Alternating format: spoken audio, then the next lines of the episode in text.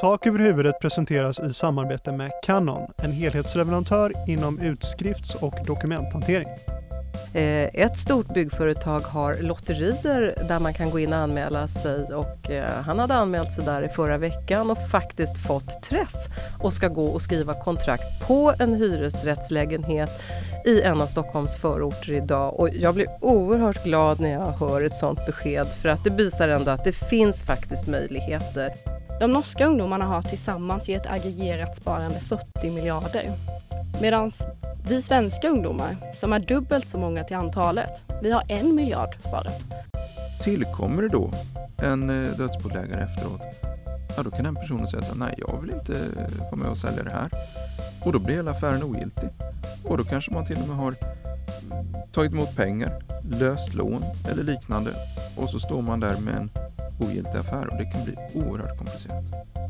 Tak över huvudet, tak, tak över huvudet, tak över huvudet, tak, tak över huvudet, tak över huvudet, tak, tak över huvudet, tak över huvudet, tak, tak över huvudet, tak över huvudet.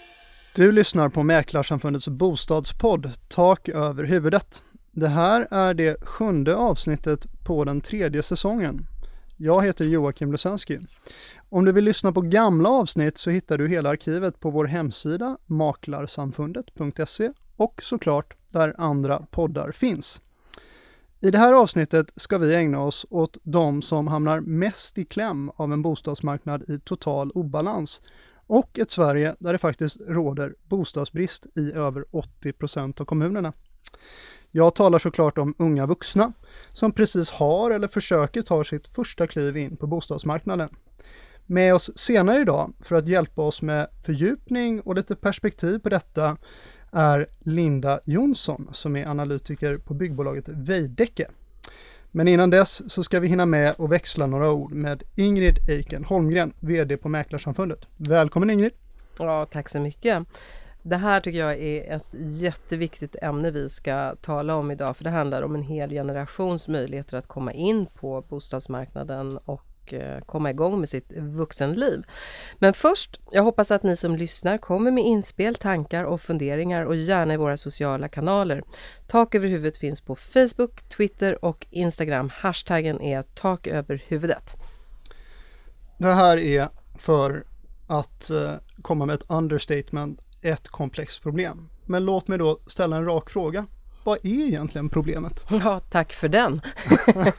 Grundproblemet är att vi har en påtaglig bostadsbrist i, i stort sett hela landet. Eh, nästan 85 procent av Sveriges kommuner har bostadsbrist och det betyder i praktiken att det saknas bostäder som passar unga vuxna. Det saknas studentbostäder och det saknas lediga hyresrätter. Dessutom har vi alldeles för dålig rörlighet eh, på bostadsmarknaden och vi måste få igång flyttkedjorna både inom och mellan det ägda och hyrda beståndet för det skulle göra bostadsmarknaden lite bättre fungerande. Men där har vi några av svaren tycker jag på vilka faktorer som gör att situationen ser ut som den gör idag.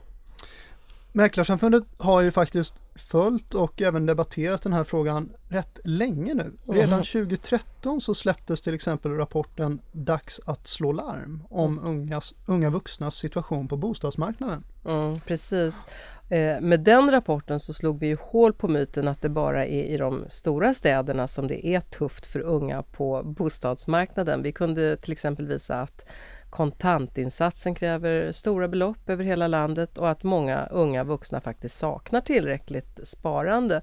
Sen tycker i och för sig jag att det är viktigt att säga att unga vuxna kanske inte ska börja sin bostadskarriär i ett ägt boende. Det är en del av det som är problemet. Det är väl ganska så sunt egentligen att man skulle kunna utan att gå till banken och låna flytta hemifrån. Men givet att det ändå ser ut idag eh, eh på det här sättet så saknar många, vuxna, många unga vuxna ett alternativ.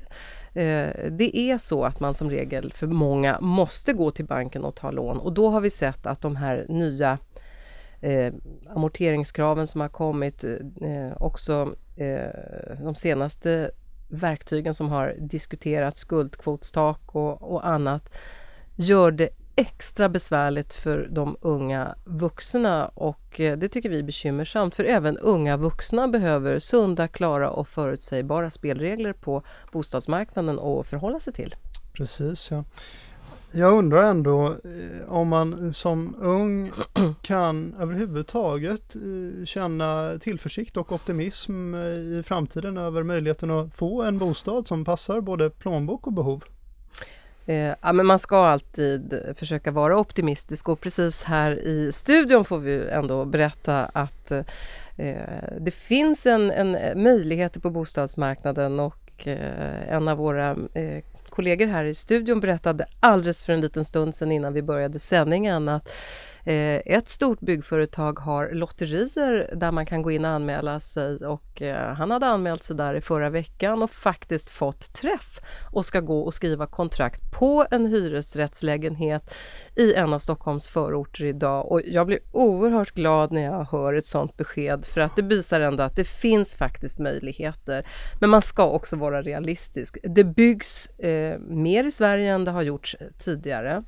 Investeringsstödet för byggande av hyresrätter kommer förhoppningsvis också göra att utbudet av bostäder som passar ungas plånböcker och behov, att det ökar något i alla fall. Sen tror jag att det finns oerhört mycket mer att göra för att öka tillgängligheten i det befintliga beståndet. Vi har sett att det har blivit en viss effekt på att underlätta andrahandsuthyrningen. Där skulle man säkert kunna göra mer för att få loss bostäder som passar unga vuxna. Mm. Vi kommer garanterat att återvända till den här frågan både en och två och säkert tre gånger. För nu, stort tack Ingrid Eiken Holmgren. Tackar, tackar. Dagens tema är som sagt ungas förutsättningar på den svenska bostadsmarknaden. I en situation som minst sagt präglas av bostadsbrist i den absoluta majoriteten av våra kommuner och särskilt i tillväxtregionerna och våra universitetsstäder så är det många gånger de unga som får det svårast. Mäklarsamfundet gör kvartalsvisa undersökningar som vi kallar för Mäklarinsikt. I den senaste Mäklarinsikt som gällde det andra kvartalet 2017 så ställde vi frågan till våra medlemmar vilka grupper som de ansåg hade det svårast att hitta en bostad som passar både plånbok och behov på deras lokala marknader. Och nästan varannan fastighetsmäklare som deltog i den här undersökningen svarar att det är unga vuxna.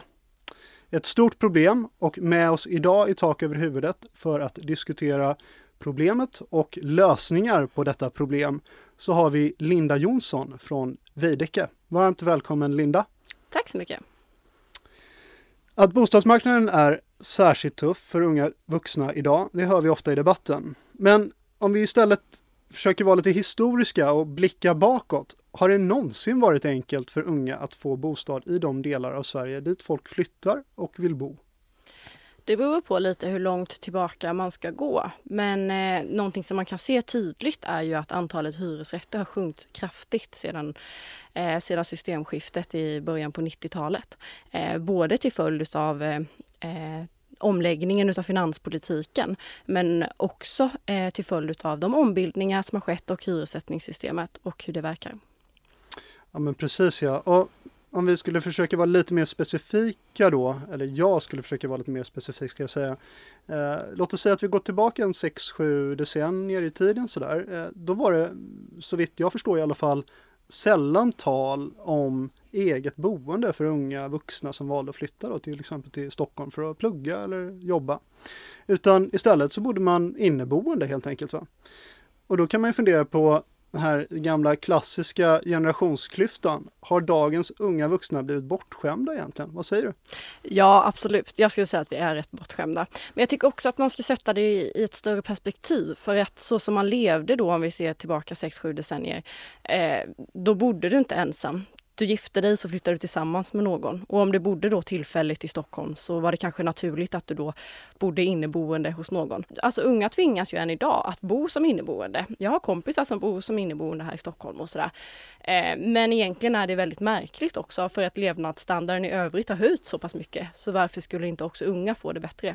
Så att ja, absolut, vi kanske är lite bortskämda. Men samtidigt, ja, vissa krav tycker jag nog ändå att vi kan ställa. Vi har alltså rätt som unga vuxna idag då, att ställa vissa krav.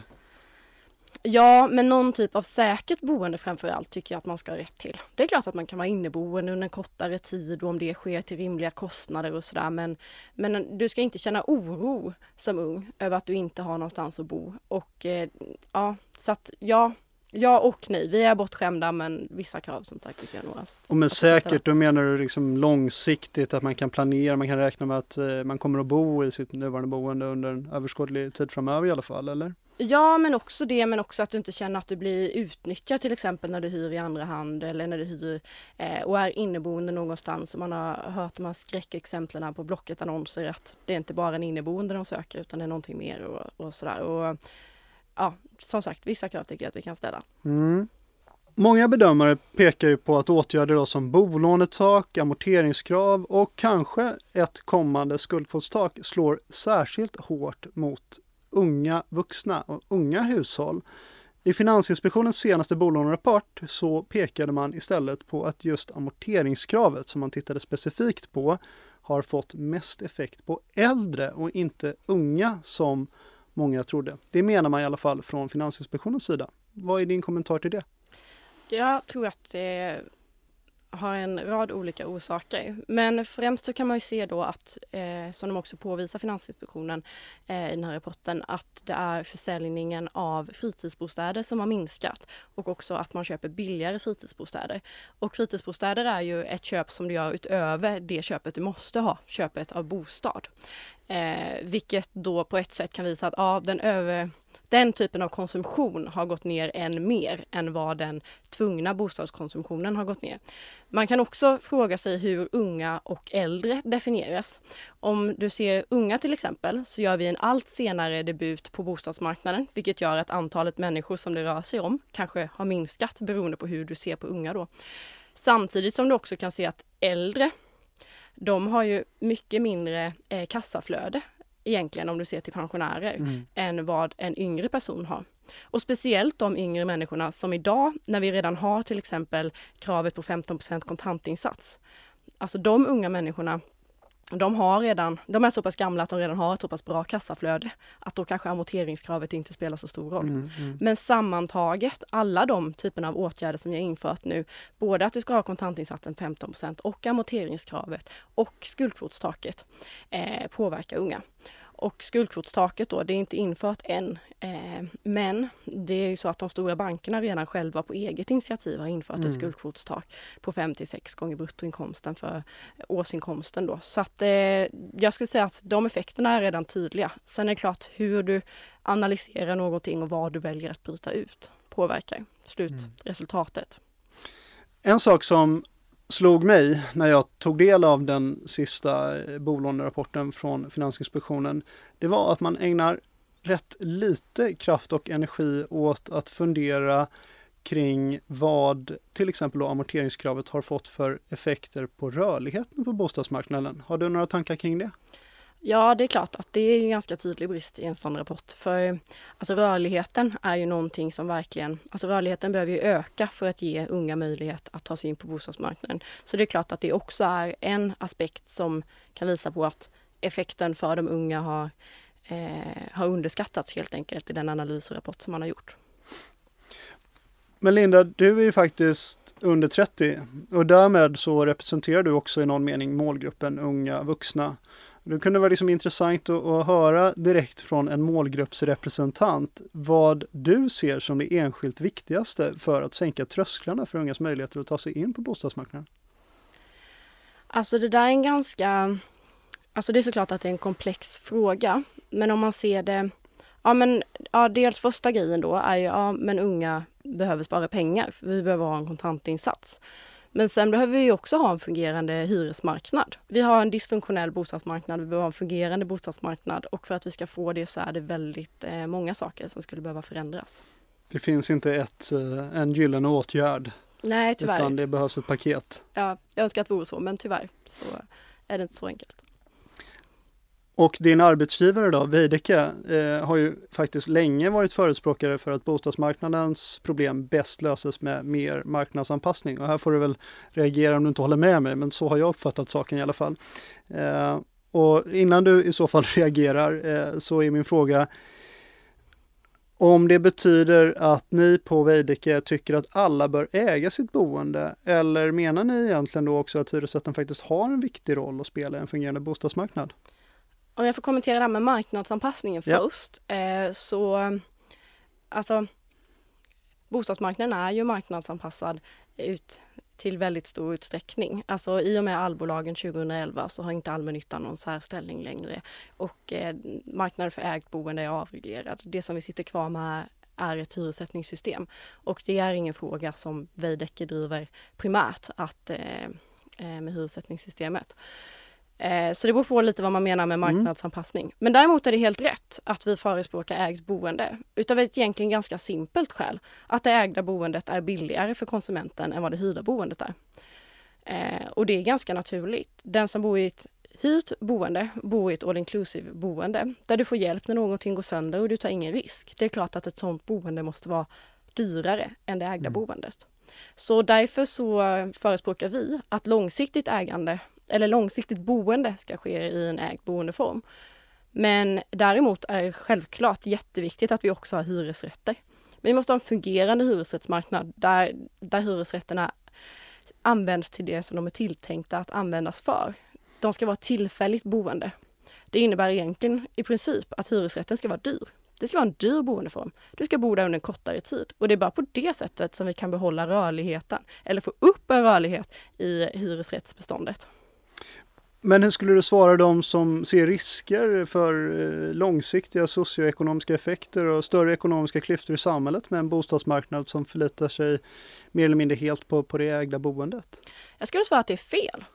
Det ägda boendet eh, leder till bättre fördelningspolitiska effekter än vad det hyrda boendet gör. Så självklart så ska så många som möjligt bo i det ägda boendet. Det är så vi får små klyftor. Och framförallt så kan vi minska klyftorna om vi gör precis så som som det skulle se ut i min form av utopi eh, bostadsmarknadsvärld, eh, att, eh, att man börjar bo i hyresrätter under en kortare tid. Att det är ett tillfälligt boende och sen bor man i ägt boende.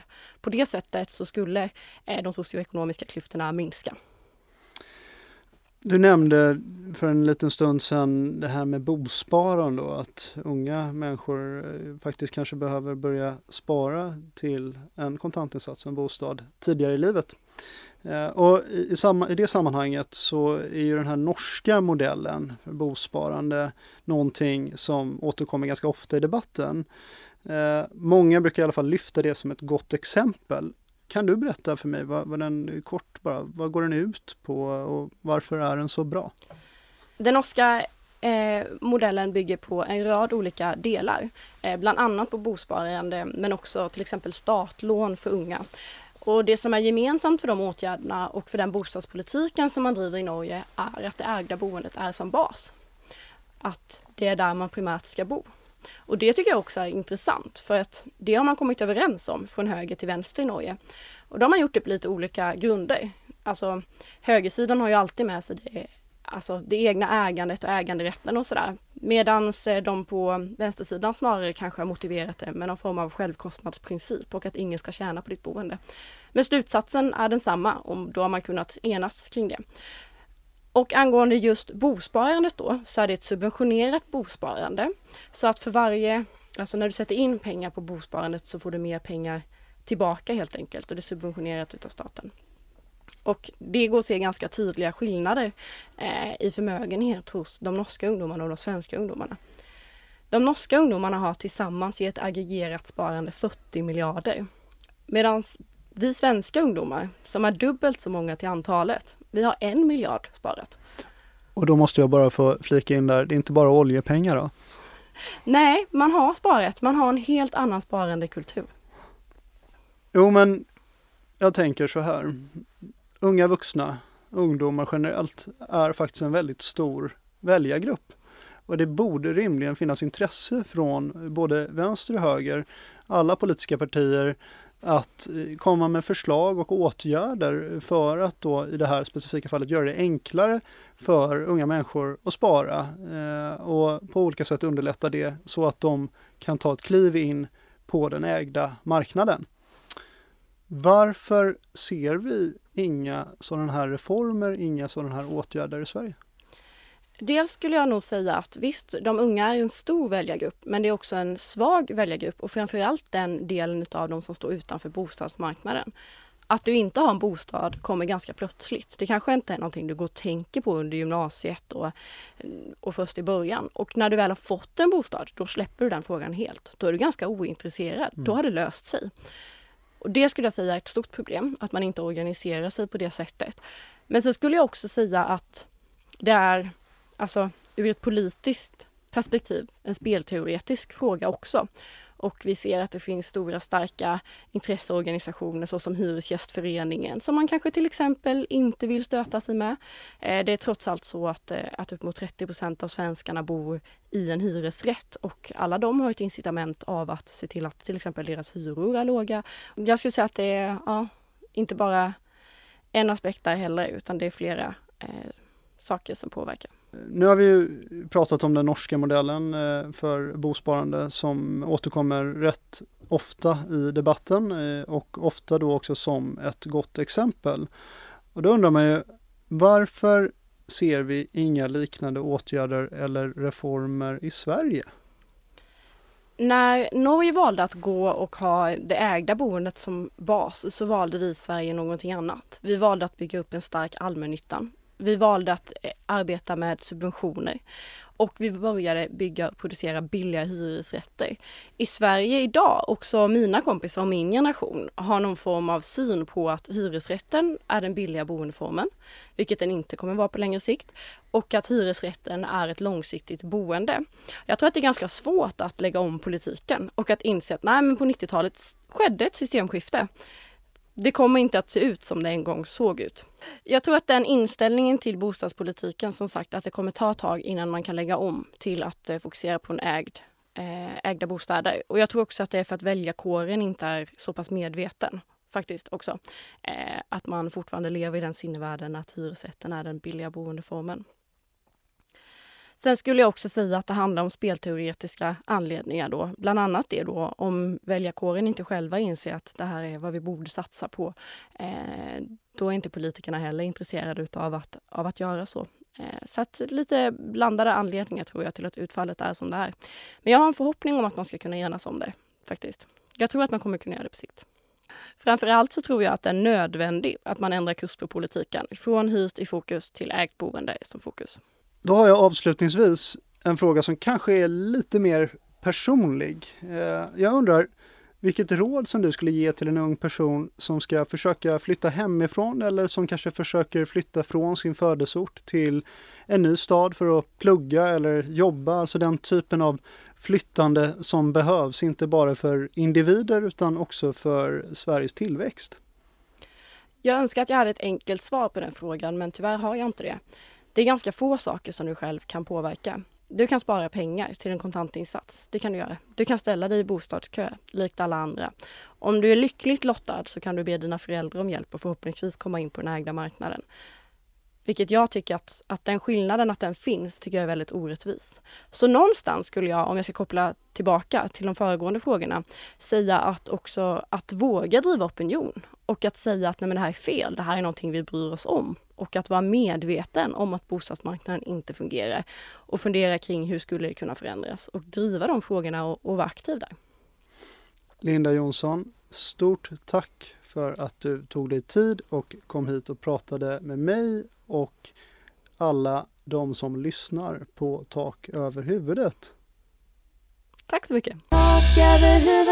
Det händer ganska ofta att Mäklarsamfundets jurister får frågor om ett område som på många sätt kan vara känsligt men det kan också vara rätt knepigt att förstå vad som verkligen gäller inom detta området. Det handlar om förmedling från dödsbon.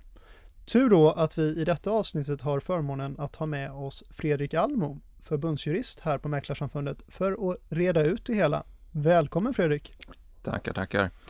Ja, jag kan börja med att säga att jag blir väldigt glad att eh, du sa förmedling från dödsbon, för det där är någonting som många, många eh, och faktiskt ibland våra medlemmar missförstår när man säger att man ska förmedla ett dödsbo.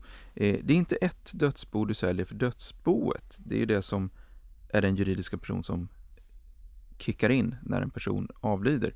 Utan det man ska förmedla är fastigheten eller bostadsrätten som tillhör dödsboet. Och eh, för att göra det så måste man eh, reda ut vem det är som företräder dödsboet. Och det gör man genom att få fram en eh, bouppteckning. Och den här bouppteckningen, den ska tas fram vid ett sammanträde där man träffas, dödsbodelägarna, och går igenom den dödes tillgångar och skulder. Och när man har haft det sammanträdet, då upprättas det en förteckning över vad finns med här och då finns det ofta en fastighet eller bostadsrätt med och det är den handlingen då som eh, ligger till grund för att man kan företräda boet utåt. Bouppteckningen alltså, den är helt central i processen. Men eh, förklara för den som inte riktigt förstår så bra, varför då? Jo, för att bouppteckningen det är alltså dödsboets eh, legitimitetshandling. Det är egentligen som en, ja, enkelt uttryckt, du vet inte vem som är dödsbolägare utan bouppteckningen. Och eh, skulle man företräda boet utan en bouppteckning, ja då kan det ju bli så att man missar någon. Det vill säga någon dödsbolägare inte kommer med. Och i värsta fall så skulle det faktiskt kunna leda till att affären blir ogiltig. Så att våra medlemmar är alltid väldigt, väldigt kinkiga på att om du kommer och säger vi har ett dödsbo som ska sälja någonting, då kommer de fråga efter bouppteckningen. Var är den? Men är det inte också så att man brukar få ett dödsfallsintyg från Skatteverket? Ja, det brukar man få och dödsfallsintyg från Skatteverket det, det är den handling du använder för att avsluta konton hos ICA-banken eller liknande. Men den duger absolut inte till för att sälja en fastighet eller bostadsrätt. Mhm. Utan det måste vara den här, eh, det måste vara bouppteckningen.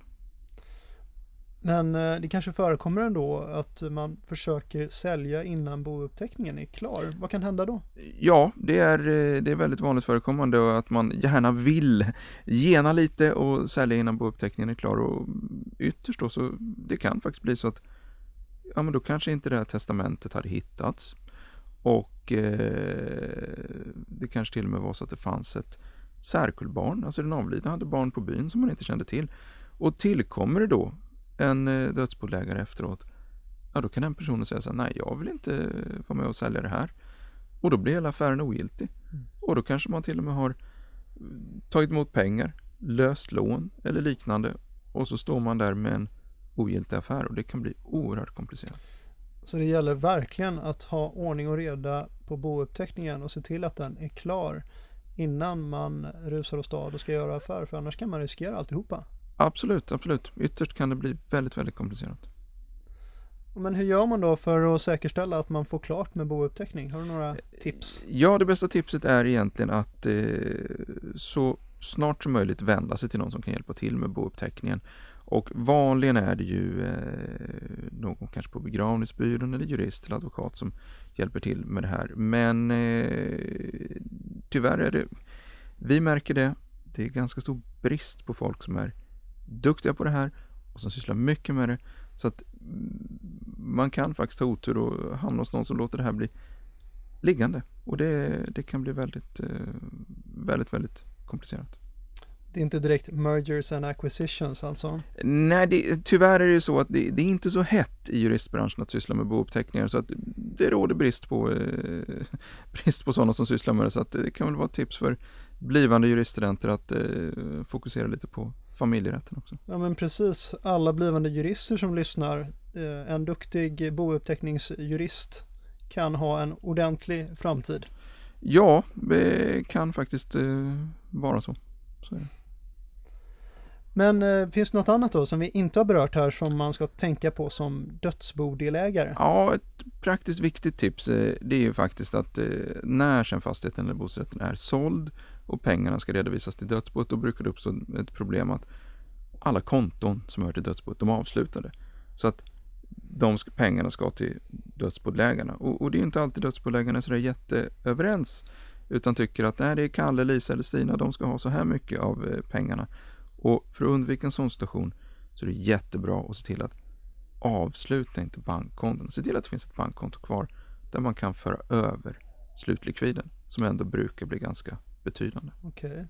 Så om jag ska försöka sammanfatta då, då så skulle stalltipsen vara ordna med bouppteckning så snart som det bara är möjligt och avvakta med att avsluta den avlidnes konton. Eh, Exakt, det är det bästa tipset. Då kan man få en snabb och smidig affär. Fint, det låter vi vara sista ordet. Stort tack Fredrik Almo för att du redde ut det här. Tackar. Tak över huvudet. Tak över huvudet presenteras tillsammans med Canon och klipps och produceras av Diggin Larry. Projektledare är Caroline Berg och foto och avsnittsbild har Karina Vikaby ordnat. Och jag, jag heter Joakim Lösönsky. Tak över huvudet.